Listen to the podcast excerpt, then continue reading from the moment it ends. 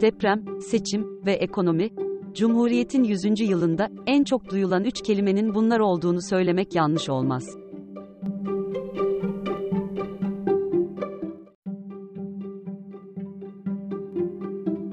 Türkiye'nin kendisine has kaotik hali bu yıl, binlerce kişinin hayatını kaybettiği bir depreme ve gündelik yaşamın her alanına etki eden iki türlü bir seçime sahne oldu. Hayat pahalılığı ise, her an olduğu gibi, yıkıcı etkisiyle, 2024'te de bizimle birlikte olacağı benziyor.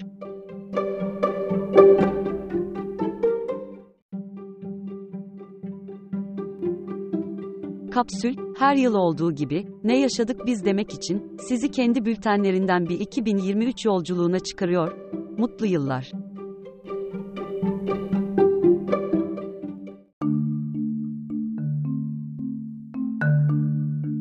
Türkiye'de neler oldu?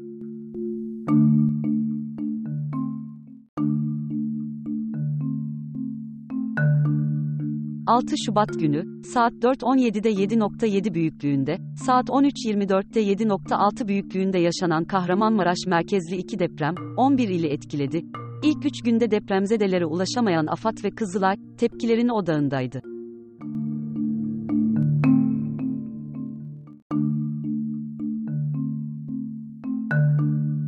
Depremlerden etkilenenler için, Türkiye Tek Yürek isimli yardım gecesi düzenlendi. Kampanyada taahhüt edilen yaklaşık 30 milyar liranın akıbeti halen bilinmiyor.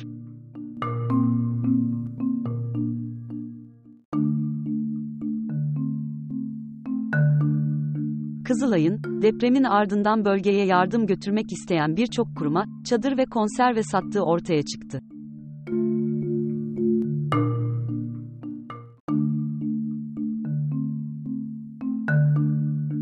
Millet İttifakı'nın son toplantısında, aday kriziyle başlayan çatlak, İyi Parti lideri Akşener'in masaya rest çekmesiyle, yeni bir sürece evrildi.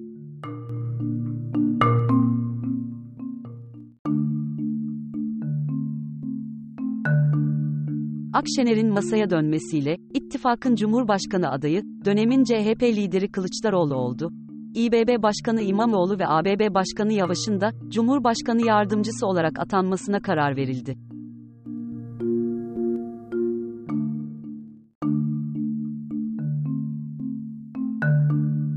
Tepkilerin odağındaki AFAD'ın, Ankara'daki merkezinin evrak bölümünde, şüpheli bir yangın çıktı.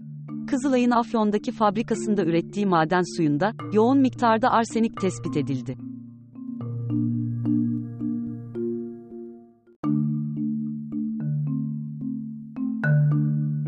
Seçime kısa bir süre kala gözler, CHP'nin son Cumhurbaşkanı adayı Muharrem İnce'nin alacağı pozisyona çevrildi.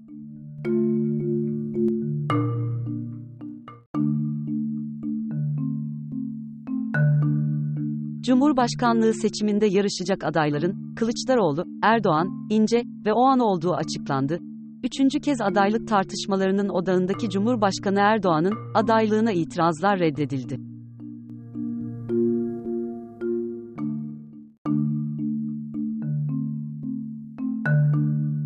Türkiye'de son dönemde hızla artan enflasyon, akademisyen maaşlarının da hızla değer kaybetmesine neden oldu.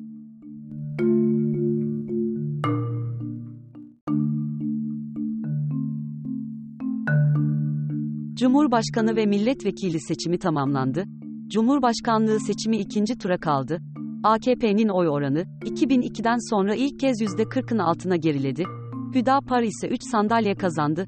Sonuçlar, milliyetçi dip dalga oluştuğuna yönelik yorumlandı.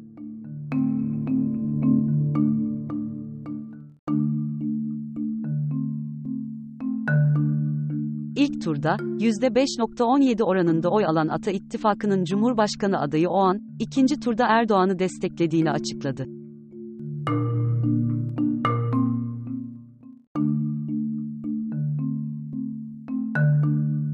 Kılıçdaroğlu ve Zafer Partisi lideri Özdağ'ın, günlerce yürüttüğü temaslardan destek kararı çıktı. İki isim, 7 maddelik protokol üzerinde uzlaştı.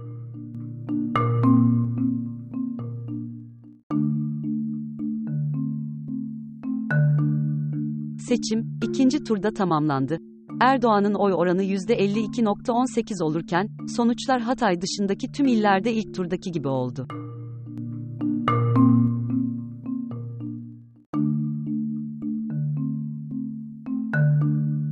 FIVB Milletler Ligi finalinde, Çin'i 3-1 yenen A milli kadın voleybol takımı, ilk kez şampiyon oldu. Türkiye, dünya sıralamasında ilk kez liderliğe yükseldi.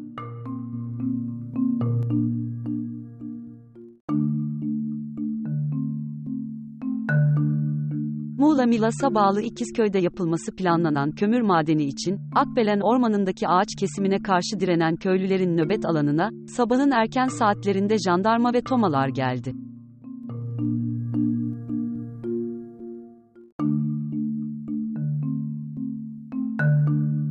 İstanbul Esenyurt'ta bir tekel bayisinde, iki kişinin öldürüldüğü, bir kişinin de yaralandığı silahlı saldırının ardından ilçede yapılan denetimde, 16 silah ele geçirilirken, hakkında arama kararı olan 86 kişi yakalandı.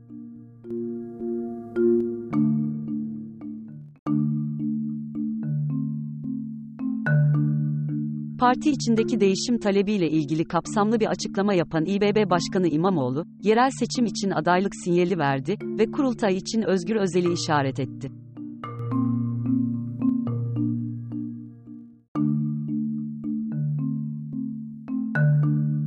İstanbul Valiliği, alkol satışı ve tüketilmesi ruhsatı bulunan işletmeler dışında kalan, halka açık alanlarda içki içilmesini yasakladı.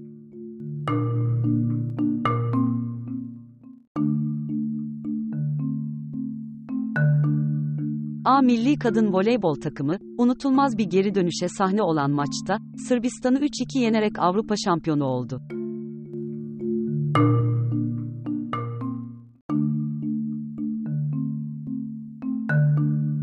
Yargıtay, Gezi Parkı davasında verilen hapis cezalarını onadı.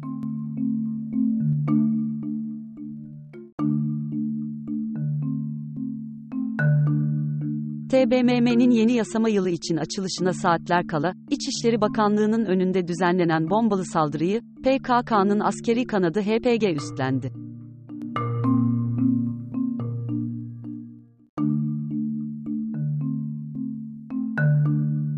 Kredi Yurtlar Kurumu'na ait yurtlarda kalan öğrenciler, Aydın'da asansör düşmesi sonucu hayatını kaybeden Zeren Ertaş için birçok ilde eylem yaptı.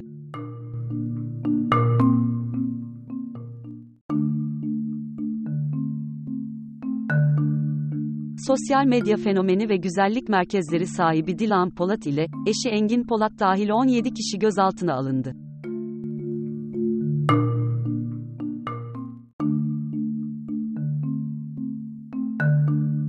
İki günde 6 gazeteci hakkında, halka yanıltıcı bilgiyi alenen yayma suçundan soruşturma başlatıldı.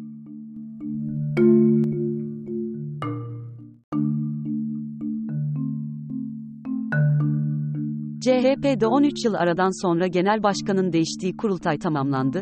Yeni genel başkan Özgür Özel'in listesini toplam 11 kişi deldi.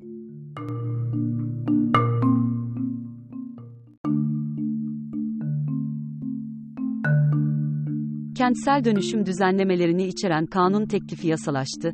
Önceliğinin deprem riski olarak açıklandığı 21 madde, birçok başka değişikliği de içeriyor.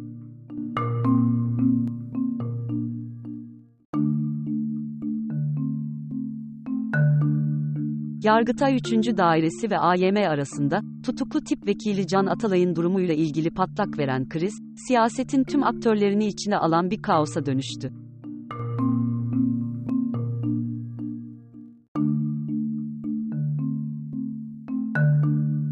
Türkiye, bir kez daha, AB'den en fazla geri dönüştürülebilir plastik atık ithal eden ülke oldu.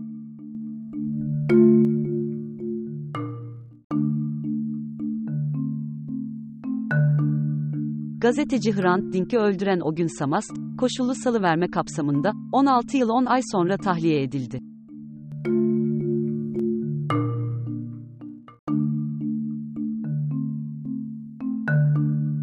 Denizbank'ın İstanbul Florya Şubesi'nin eski müdürü Seçil Erzan'ın tutuklandığı dolandırıcılık soruşturmasında, yeni ayrıntılar ortaya çıktı.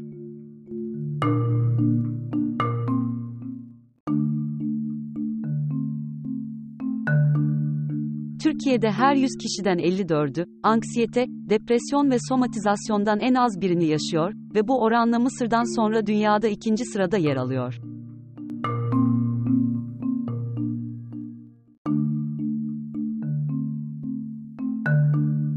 İstanbul Aksaray'da motokurye Yunus Emre Göçer'e çarpıp, ölümüne neden olan Somali Cumhurbaşkanı'nın oğlu Mahmud'un, 2 Aralık'ta yurt dışına çıktığı anlaşıldı.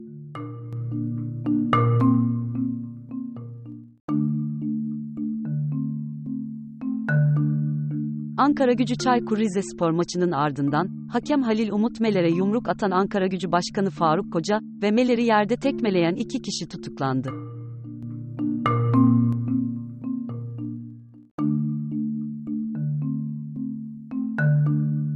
İstanbulluların yaşamlarının yaklaşık 3,5 yılı yolda geçiyor. Trafik sıkışıklığına bağlı boşa geçen zaman ise yaklaşık 2,5 yıl.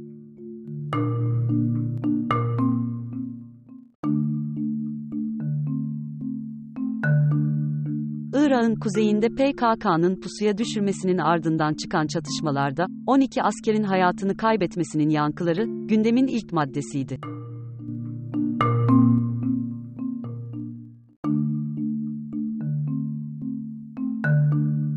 Galatasaray ile Fenerbahçe'nin, Suudi Arabistan'ın başkenti Riyad'da oynayacağı Süper Kupa maçı, saatler süren krize sahne oldu.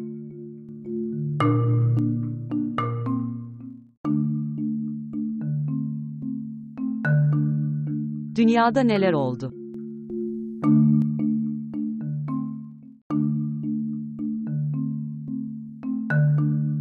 Rusya'nın işgalinin devam ettiği 2023'te bir savaş daha patlak verdi. Hamas'ın 7 Ekim'de beklenmedik bir biçimde İsrail topraklarına düzenlediği operasyonun ardından İsrail ordusu Gazze'ye yönelik önce hava, daha sonra da kara harekatı başlattı. Şu ana kadar İsrail'in saldırılarında 22 bine yakın Filistinli hayatını kaybetti. Bunların büyük bir bölümünü kadın ve çocuklar oluşturuyor. İki taraf arasındaki çatışmalara şu ana kadar sadece bir hafta ara verildi. Bu süreçte Hamas, elindeki rehinelerin bir bölümünü, İsrail ise, Batı Şeria'daki cezaevlerinde tutulan bazı mahkumları serbest bıraktı. Gazze'de yaşayan 2.2 milyon kişinin büyük bir kısmı yerinden edildi. Bölgede on binlerce bina hasar aldı ya da yıkıldı. Siviller oldukça zorlu şartlar altında hayatta kalmaya çalışırken, İsrail'in saldırılarını sonlandırması en azından kısa vadede beklenmiyor.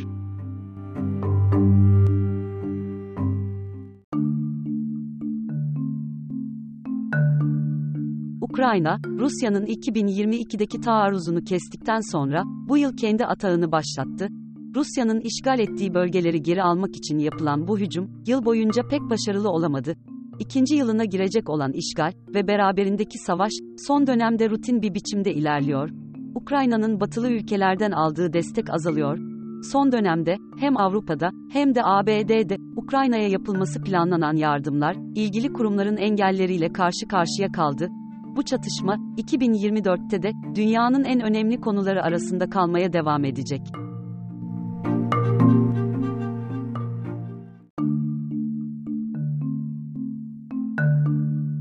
2024 bir seçimler yılı olacak. Zira dünya genelinde 50 ülkeden 2 milyardan fazla insan sandık başına gidecek. Sonucu merakla beklenen en önemli seçim, kuşkusuz ABD başkanlık yarışı olacak. Henüz adaylar belli olmasa da, Trump ve mevcut başkan Biden'ın bir adım önde oldukları belirtiliyor. Bir diğer tarafta, Rusya'da 17 Mart tarihinde, Putin'in tekrar seçilmesine kesin gözüyle bakılan bir başkanlık seçimi var. Avrupa Parlamentosu'nda da 27 üye ülkede temsilcileri seçmek için sandık başına gidilecek. Ayrıca Hindistan, Meksika, Portekiz, Belçika, Türkiye, Avusturya, Finlandiya, Litvanya, İran, Belarus, Endonezya, Tayvan ve Birleşik Krallık'ta da sandıklar kurulacak.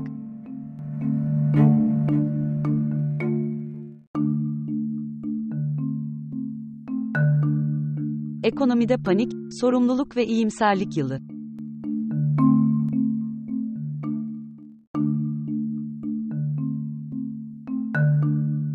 Yıl boyunca, dünya çapında önde gelen merkez bankaları, faiz yükselterek enflasyonu kontrol altına almaya çalıştı. ABD ve Avrupa'da banka iflasları, 2008 finansal krizini hatırlatarak, piyasalarda paniğe yol açtı. Teknoloji alanında tekelleşmenin devam ettiği, aynı zamanda çok sayıda şirkete rekabet soruşturması açılan bir yıl oldu. Elon Musk'ın Twitter'ın tüm hisselerini alıp, platformu X'e dönüştürmesi gibi, dev satın alma anlaşmaları yapıldı. Kripto para piyasası için 2023 toparlanma yılı oldu. Bitcoin'in fiyatı yılın başından bu yana yaklaşık %160 arttı ve yeniden 40 bin doların üzerine çıktı.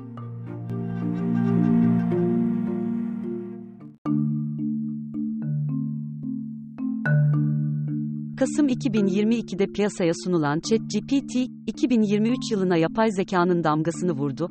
Onlarca şirket bu alana akın etti Böylece yapay zeka, soyut bir fikir olmaktan çıkıp, iş akışlarını kolaylaştıran, yeni fikirler bulma konusunda yardımcı bir kişisel asistana dönüştü. Yıllardır müjdelenen bu gibi özellikler, korku ve belirsizlik yaratmaya devam ediyor. Goldman Sachs'ın, Mart 2023 tarihli bir raporu, yapay zekanın, şu anda insanlar tarafından yapılan tüm işlerin dörtte birini yapabileceğini tahmin ediyor. Bu da Avrupa ve ABD'de kaybedilen 300 milyon işe denk geliyor.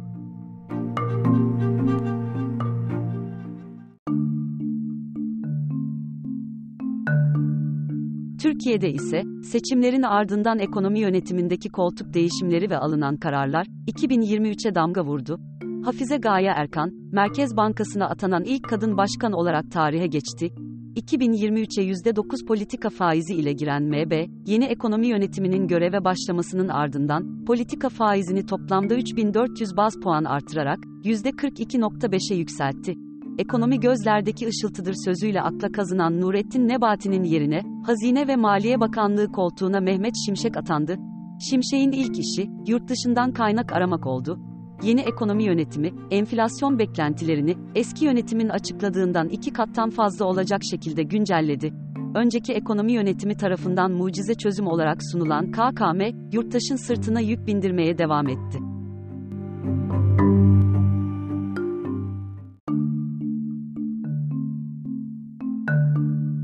Borsa açısından, halka arz çılgınlığının yaşandığı bir yıl oldu.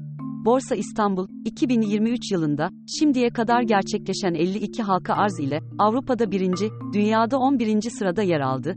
Seçim öncesi 19.5 civarında seyreden dolar TL kuru, bugünlerde 29.48 seviyesine kadar çıktı. Mal ve hizmetlere uygulanan KDV, 21 yılın ardından ilk kez %18'den %20'ye yükseldi. Şans oyunları gelirlerinden alınan vergiler, %50 oranında düşürüldü.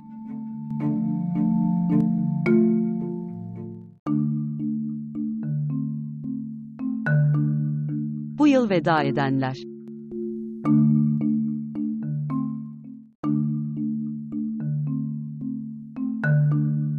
Türkiye'de, Özkan Uğur, Suna Kan, Zafer Toprak, Deniz Baykal, Erkin Koray, Metin Uca, Burhan Çaçan, Kazım Akşar, Rana Cabbar, Nuri Sesi Güzel, İlham Gencer, Can Gürzap, Ahmet Suat Özyazıcı, Bilal Çetin, Gökhan Abur, Kemal Derviş, Ceyhan Mahfi Tözüm, Ergun Öztuna, Haluk Akakçe, Güngör Mengi, Mehmet Ulay, Metin Münir, Nurhan Damcıoğlu, Sakıp Özberk, Orhan Erinç, Pakize Başaran, Tolga Akyıldız, Hıfzı Topuz, Yalçın Yelence, Yılmaz Guruda, Köksal Engür, Ziya Şengül, Safa Önal, Seda Fettahoğlu.